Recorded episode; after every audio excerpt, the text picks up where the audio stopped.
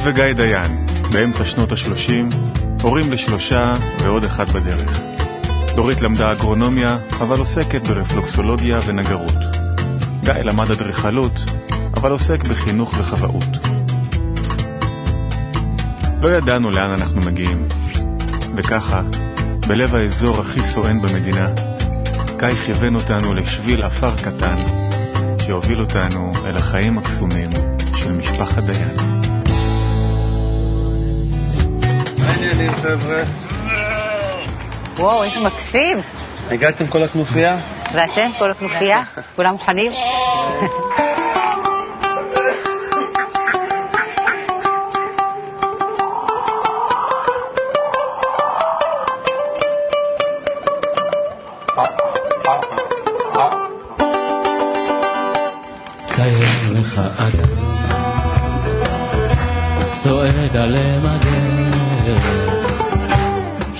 אז אני גדלתי פה, לא רחוק, כל שדות, הרבה ילדים, תמימות כזאתי והרבה שמחה. תמיד הייתי מאוד אופטימית. הכל בסדר, תמיד יודעת שהכל יסתדר, הכל נופל במקום. אה, עד היום אני כזאת, אני חושבת. אף פעם לא חקרתי למה אני פה, מה... זאת אומרת, פשוט אני משווה את עצמי לגיא, גיא הוא הרבה יותר אה, עמוק. המוח, יותר ב- מבולגן.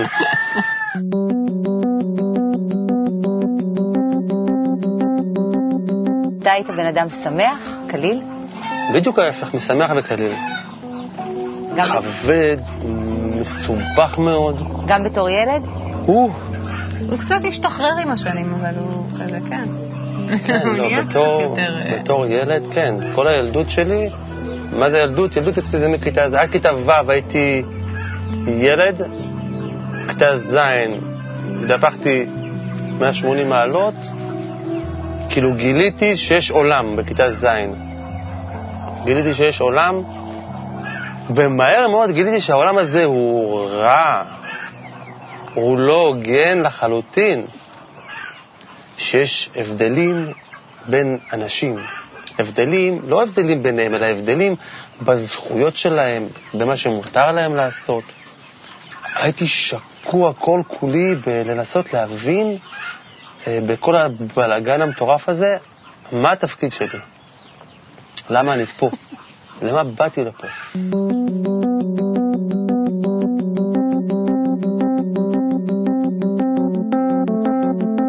חיפשתי נואשות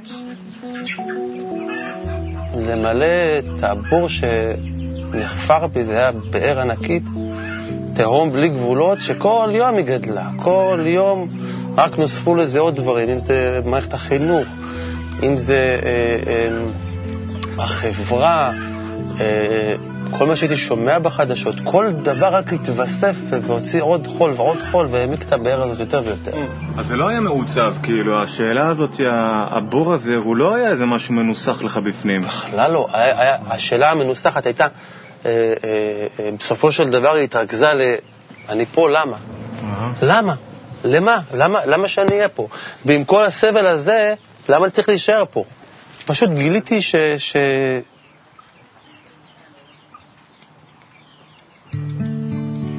שאין שום טעם לכלום, ממש ככה, כלום, חסר טעם לחלוטין. והייתי מתנגח כמובן, מן הסתם, לא, לא הסתדרתי, לא, לא התאמתי לשום מסגרת. מתנגח בכל מסגרת, אם זה בבית, הייתי תמיד הכבשה השחורה מבחינתי. ובבית ספר, ו... ו... נו, היינו שותים, וזה, הכל בשביל... יש, לך חברים ויש לך חבורה בתא. תמיד יש לי מעט מאוד חברים, תמיד. לא הייתי, אף פעם לא הייתי חברותי מדי, גם היום לא. ו... ובסדר, ו... ואיתם אנחנו, מתי אנחנו צוחקים? כששותים ויש איזה, עושים שטויות, לא... מוציאים את עצמנו, אני הסתכלתי, להוציא את עצמי מהמצב הזה. לקחת מפלט מהמחשבות האלה.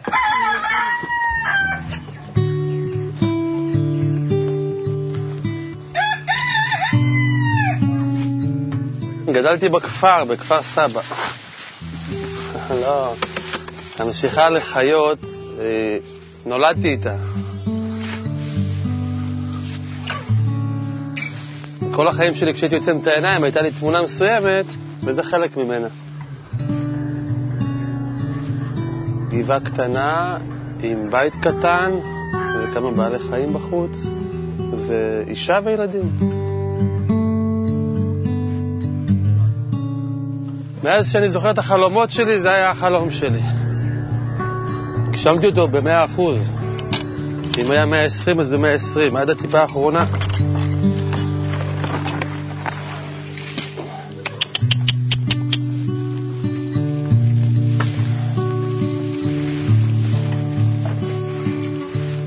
אין עוד מה להגשים בחלום הזה.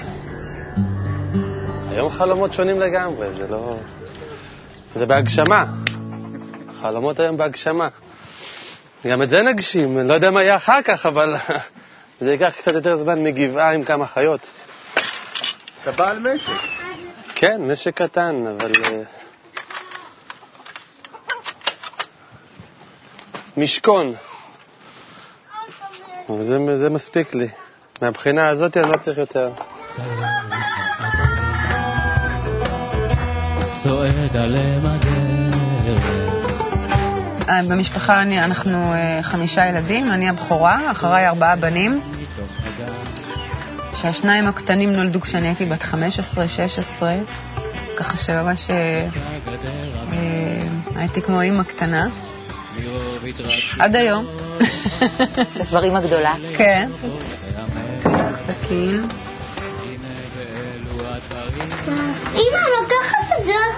תמיד, אימא שלי גם כשהייתי קטנה היא טיפלה בילדים, תמיד, תמיד הייתה לי את הגישה לזה, אז אני אומרת, טבעי לי היה להמשיך לאימהות. להמש... כן, בדיוק.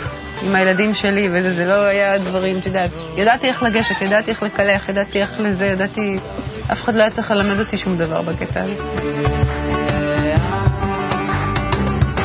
מעבר אבל ל- לגידול של האחים שלך, הקטע הזה של האימהות אצלה זה טבע, היא לא צריכה ללמוד להיות אימא מאף אחד, גם לא מהניסיון שהיה לך. אני חושבת שככה היא פשוט בטבע. של המילה אימא, א', מ', א', כתבו את זה על דורית, אין משהו.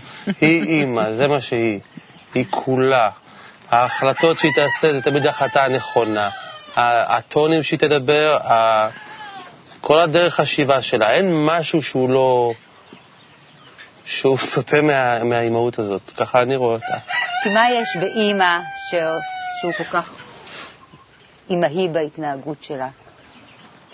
זה, תקרא לזה או הקשבה פנימית או תחושה, אה, אבל אה, היא חשה את הצורך של האחר פשוט, של הילדים שלה. תינוק, בן שבוע, שבועיים, שלושה. היא יודעת מה הוא רוצה בדיוק. תמיד ידעה עם הבנות שהן תינוקות, את אומרת, איך את יודעת אם זה גזים, אם זה רעב, אם זה... היא תמיד הייתה יודעת בצורה הכי טבעית ופשוטה, כאילו היא כתבה מדריך, מדריך איך להיות אימא, כאילו היא, היא כתבה את זה. אז זה ברור, הכל, הכל מאוד ברור לה.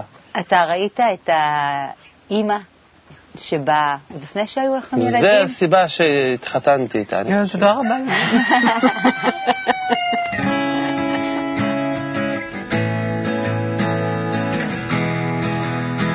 באיזושהי נקודה מגיל 14, נו, מכיתה ז' ככה, אפילו לפני, אף פעם לא חיפשתי חברה או בת זוג, תמיד חיפשתי אישה. כל בת זוג שהייתה לי הייתי בוחן אותה, הייתי מנסה לראות את ה... אה, אה, האם היא תגדל את הילדים שלי או לא. שאלה הראשונה שהייתה לי בראש. בתור נער. כן, כן. אני מדבר בחברה הראשונה שלי. ו... והיה לי ברור, כל החיים היה לי ברור שאני מוצא עבודה שאני עובד אותה בבית כדי שאני אגדל את הילדים. היה לי ברור שאני מגדל אותם, אף אחד אחר לא יכול לגדל אותם. לא היה אפילו משהו קרוב ש... לא היה לי ספק בזה בכלל, זה היה לי מאוד מאוד ברור. למה? סומך עליך. זה היה, כן, מה, מהבחינה הזאת. אני הרגשתי את הקטע האימהי אצלי כל כך חזק בקטע של לגדל את הילדים, רק על עצמי יכולתי לסמוך. אף אחד אחר, באמת, אף אחד. ועד גיל 29 אני מדבר איתך, אני מחפש בת זוג. רק את זה. הרוב המטרה שלי בחיים היה לחפש בת זוג, אישה. ובשנים האחרונות, שנתיים, של- שלוש שנים האחרונות, זה הפך להיות ממש אה, אה, מקצוע שלי, ממש מקצוע. הייתי מסיים פתקים בכיס, הייתי יוצא לדייטים של פעם אחת, לא יותר מפעם, אני לא חושב שהיה מישהי שיצא איתה פעמיים. הייתי יוצא איתה, היינו יושבים בבית קפה, מדברים, מדברים, הייתי ממש עושה לה רעיון עבודה, ממש. רעיון עם ההיא. רעיון, עם ההיא. הייתי יושב, וזה מה שהייתי רואה, אולי הייתי מחפש את הדמות, האם היא מגדלת את הילדים שלי או לא. זה היה נגמר בשיחת ולא? טלפון, תשמעי, כנראה זה לא מתאים, חבל לשנינו כאילו לבזבז זמן, והלאה. עד שהגיע מצב שאמרתי, אני לא יכול, אני כבר מרגיש שאני לא יודע מה אני מחפש. כי זה היה ממש אה, משימה שדבקתי בה, והייתי חוזר על עצמי, וזה היה כל כך טכני, שאמרתי, ישבתי עם חבר שלי, אמרתי לו, תשמע אורן, אני יותר, אני עושה הפסקה שנה, אני לא יוצא עם אף אחד. אני חייב לדעת מה אני מחפש, אולי אני, אולי אני, הבעיה אצלי. הייתי, הייתי פשוט לבד על כדור הארץ, ממש, לא פחות מזה. לא פחות מזה, הייתי הולך למיטה, והייתי פשוט צועק לאלוהים, צועק אליו פשוט, תן לי, תן לי את האישה. נפל לי האסימון שבעולם יש כמה מיליארד של נשים בעולם, והסיכוי שנמצא את אותה אחת הוא אפס. הבנתי שאין סיכוי שזה יקרה. טוב, ואז היה לי איזשהו דיל עם אלוהים, ישבתי בדיוק על פרויקט גמר בלימודים, אה, אה, שראיתי שגם אותו אני לא יכול לסיים את הפרויקט הזה, ישבתי איתו ואמרתי לו, תשמע, יש לי שתי בקשות אליך. אחד, אני חייב למצוא אישה. ושתיים, תן לי לסיים את הפרויקט גמר. ממש באותה נשימה זה היה, והבטחתי לו שאם הוא יעשה לי את זה, אני אתן לו משהו בתמורה. במילים האלה, מה שהייתי איתו עסקת חליפין, נו, והיציאה הבאה זאת הייתה דורית. שיצאתי איתה ואת הפרויקט הגשתי בזמן והכל היה בסדר. אז זה ככה התחיל הקשר שלי אליו, לבורא, מה- מהאמונה האמיתית. כאילו, יש עם מי לדבר. עשיתי איתו עסק, עכשיו ברגע זה עשיתי איתו עסק, יש שם משהו, יש משהו מחוצה לי.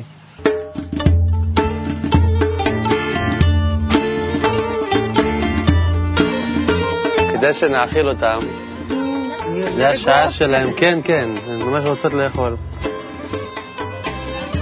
רק לפני הכניסה צריכים להשביץ את התיש הזה. התיש פשוט, הנה הוא בורח. הוא רואה את החבל, הוא בורח, הוא יודע. קושרים אותו. זה לא בשבילך. אבל מה שלא יהיה, הרצון של האוכל יותר חזק מהקשירה.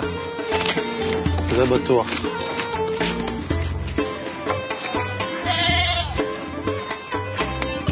אפשר להיכנס בבטחה. ואז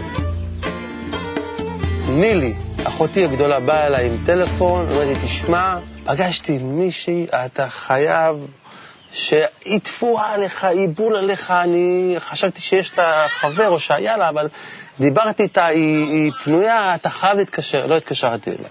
היא אומרת לי, מה לא התקשרת אליה? מה, אתה גנוב, תתקשר אליה עכשיו, בטח אין לה מה לעשות, שישי וזה, תתקשר, תתקשר. ישבה לי פה. אמרתי לה, בסדר, נתקשר. עכשיו, כשהייתי מתקשר למישהי, היו שתי שאלות שהייתי שואל אותה בהתחלה. שאלה ראשונה זה בת כמה היא, שהיא לא איזה ילדונת שתשגע אותי, תוציא אותי כאילו מהזה, ודבר שני, איפה את גרה? כי אם את לא גרה ברדיוס, אז אי אפשר לפתח קשר. נורמלי, חבל על הזמן. אז שאלתי אותה בת כמה היא עברה את השלב הזה, איפה את גרה? היא אומרת לי במושב היוגב. אמרתי לה, איפה זה מושב היוגב? היא אומרת לי, בעמק יזרעאל. כן, ישר שמעתי שהוא כזה, את יודעת, הוא לא... הייתה שתיקה כזאת, הוא התבאס, כאילו, הוא שמע שזה רחוק, הבנתי שזה רחוק לו, כאילו. ואז הוא כזה בסוף שואל אותי, טוב, אז מה את אומרת? נו, מה את אומרת? מזלו, הייתי במצב רוח טוב, כי אם לא הייתי במצב רוח טוב, הייתי אומרת לו, יאללה, ביי. ומזלו, הייתי במצב רוח טוב, אמרתי לו, יאללה, בקלילות. קליל. בקלילות, כאילו. אז יאללה, בקלילות, נו, מה אתה כזה כבד? ואז בקטע שאמר לי ככה, בקלילות הזה, אמרתי לה, טוב, יאללה, בסדר. כן. למחרת קבענו לצאת לאיזה בר. לא יצאתי אף פעם לאיזה בר עם מישהי בדייטים, רק בית קפה. שתות כוס בירה, מה אני אשתה קפה? כן. בקיצור, ישבתי איתה, ישבתי איתה,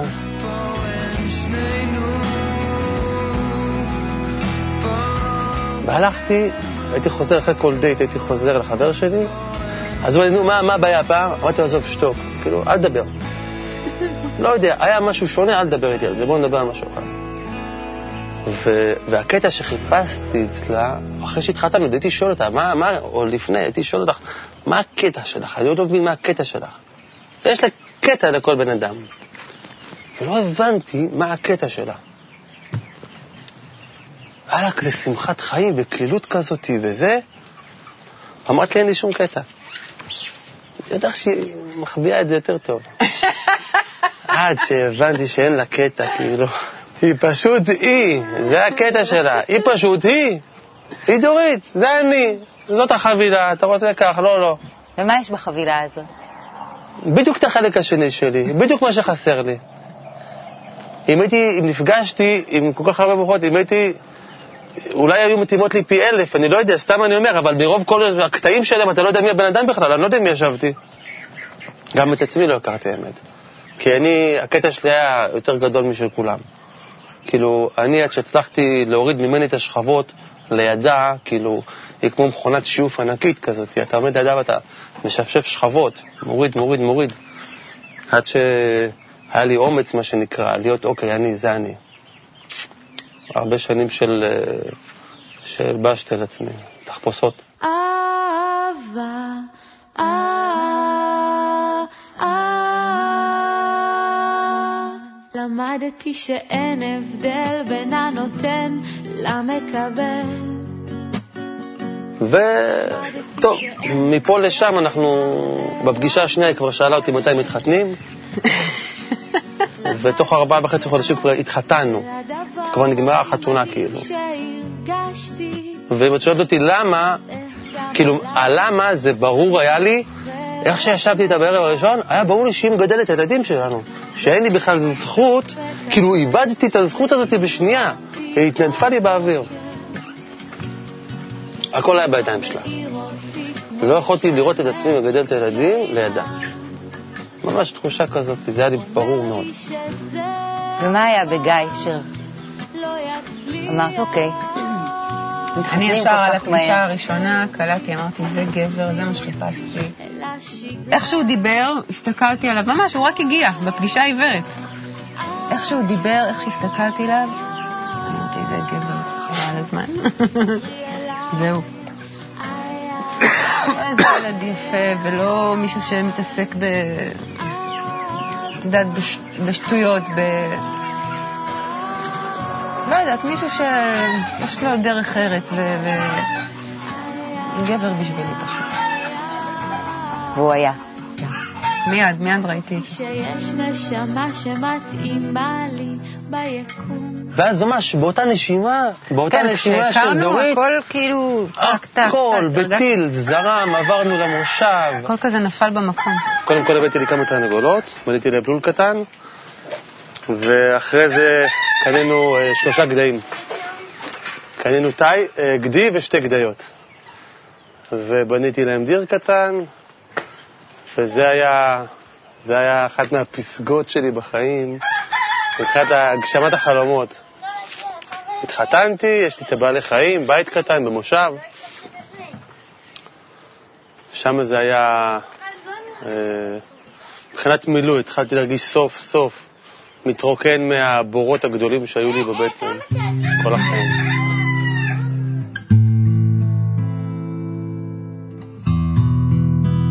הוא, הוא ישב בבית ובנה לול, והבאנו עיזים, נכון. והיה בית קטן, כן. כן, כבר שם איך כבר שהכרנו. שמה הייתי יושב על כיסא, הייתי מסתכל על התרנגולות ועל העיזים, על הגדיים. הייתי מסתכל, והייתי מתמלא, מתמלא, מתמלא, מתמלא. זאת אומרת, זה היה בשבילי כמו תינוק ש... שלא יודע, מקבל את הדבר שהכי הכי חסר לו, פשוט מתמלא. וכשעברנו כשעברנו אה, אה, לפריגן, אז אוריה נולדה וזה כבר היה משפחה.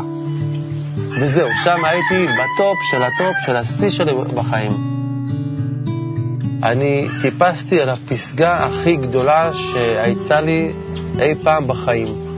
בתוך הטופ הזה של החלום, בדיוק כמו שהיית חולם אותו, הוא התגשם. אה, הרגשת שזהו? יש תשובה ללמה אני כאן, אני מלא, אני יכול לא חשבתי לא. על זה.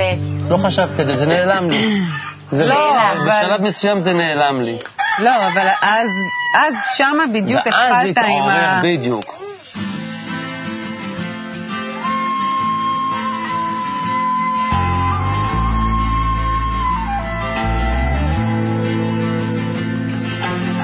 דווקא אז, שמה, כאילו שכבר הייתה משפחה והכל נרגע, הוא, הוא פתאום התחיל כזה, רוצה לשמור, התחיל להניח תפילין, היה מעצבן אותי עכשיו להניח תפילין, יואו, לא הייתי יכולה לשמוע אותו. אה, קורא, כאילו, בקול רם, אתה יודע, ואני הייתי אומרת לו, לא ככה קוראים את זה, היה קורא כל מילה, ו... ואני, זה היה מעצבן אותי לשמוע את זה. יואו, הייתי נגנבת. התחילה להיפתח התהום ה... זאת אומרת, תהום כל כך גדולה, שום דבר לא התחיל לסתום אותה בכלל. גם חרדיות אה, אה, הייתה על הכיוון, ו- ו- וחשבתי ששם אני אמצא את זה. כל הזמן חיפשתי את האנשים המאושרים. מי לעזאזל מאושר? מי יודע מה הוא עושה פה?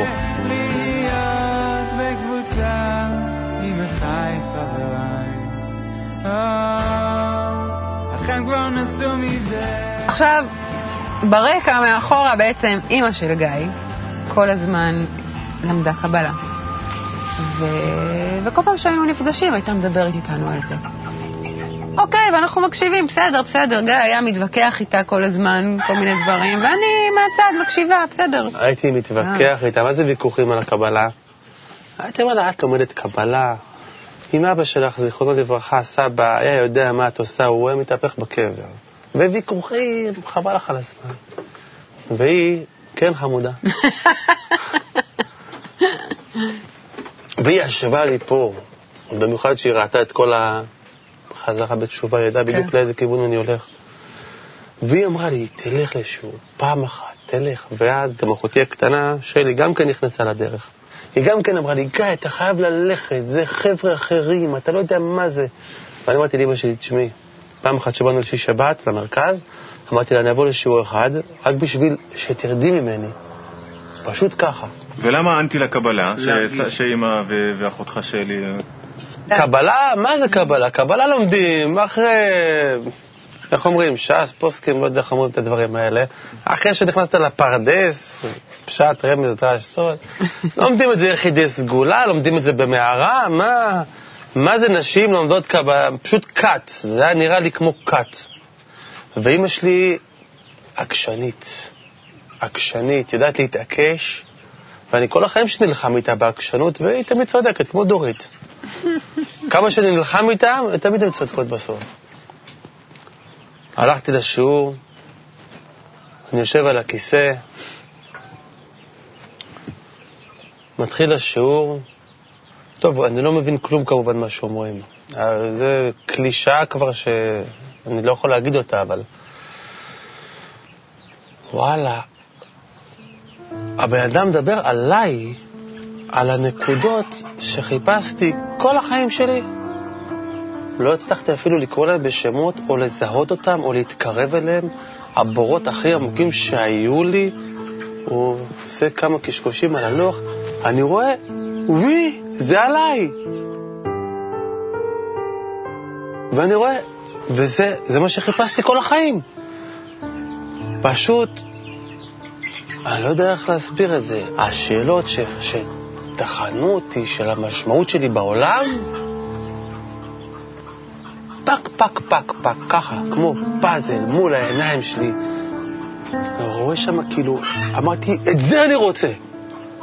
את ההרגשה הזאת, אני לא זז מפה, אני לא יכול לזוז מפה. זה היה פשוט, פשוט לא, לא בלתי ניתן לתאר את זה במילים. נו, אני אומר לכם, מגיל 13 אני אומר לך, אני מחפש, חופר, חופר, חופר, חופר בגוף שלי פיזית גם, ממש, חפרתי לחפש מה אני עושה פה. ובשעה אחת אני יושב והכל מסתדר לי, הכל, הכל בצורה מושלמת ונעימה ונינוחה. נגמרה ההרצאה, אני שמתי, ישבתי ככה, לא יכלתי, לא יכלתי לזוז, כולם קמו מהכיסאות, אני פשוט לא יכלתי לקום מהכיסא. אני לא אשכח את ההרגשה הזאתי, את התמונה הזאתי, שאחר כך כולם התפזרו, אני נשארתי שם, נשארתי בחדר.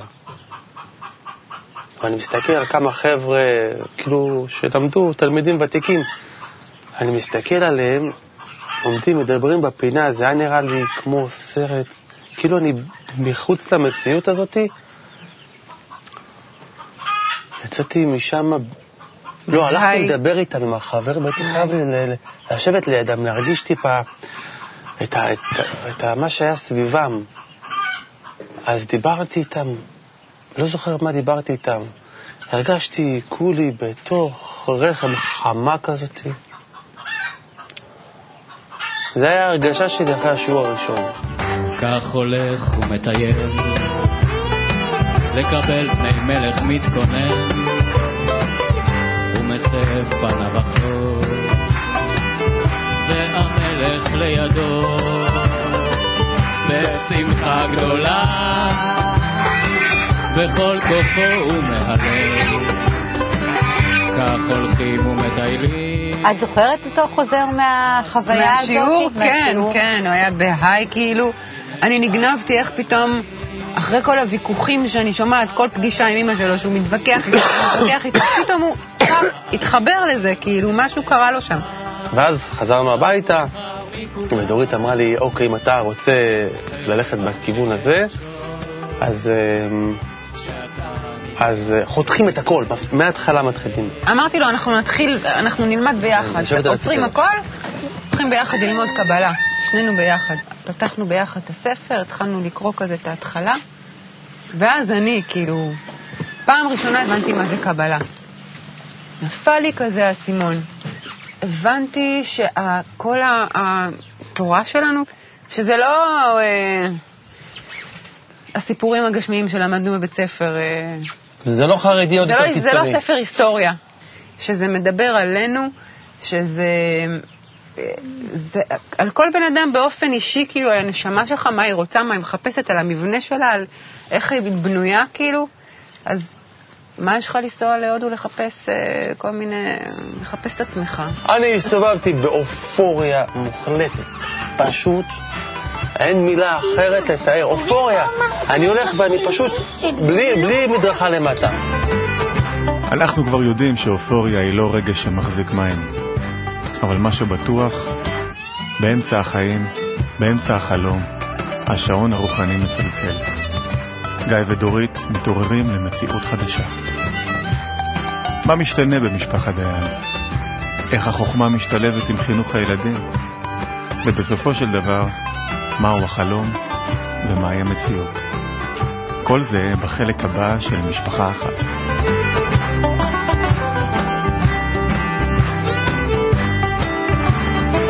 הנה באלו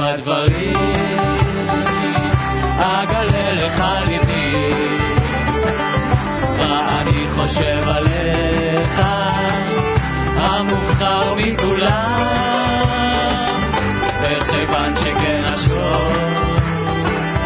Shabbat.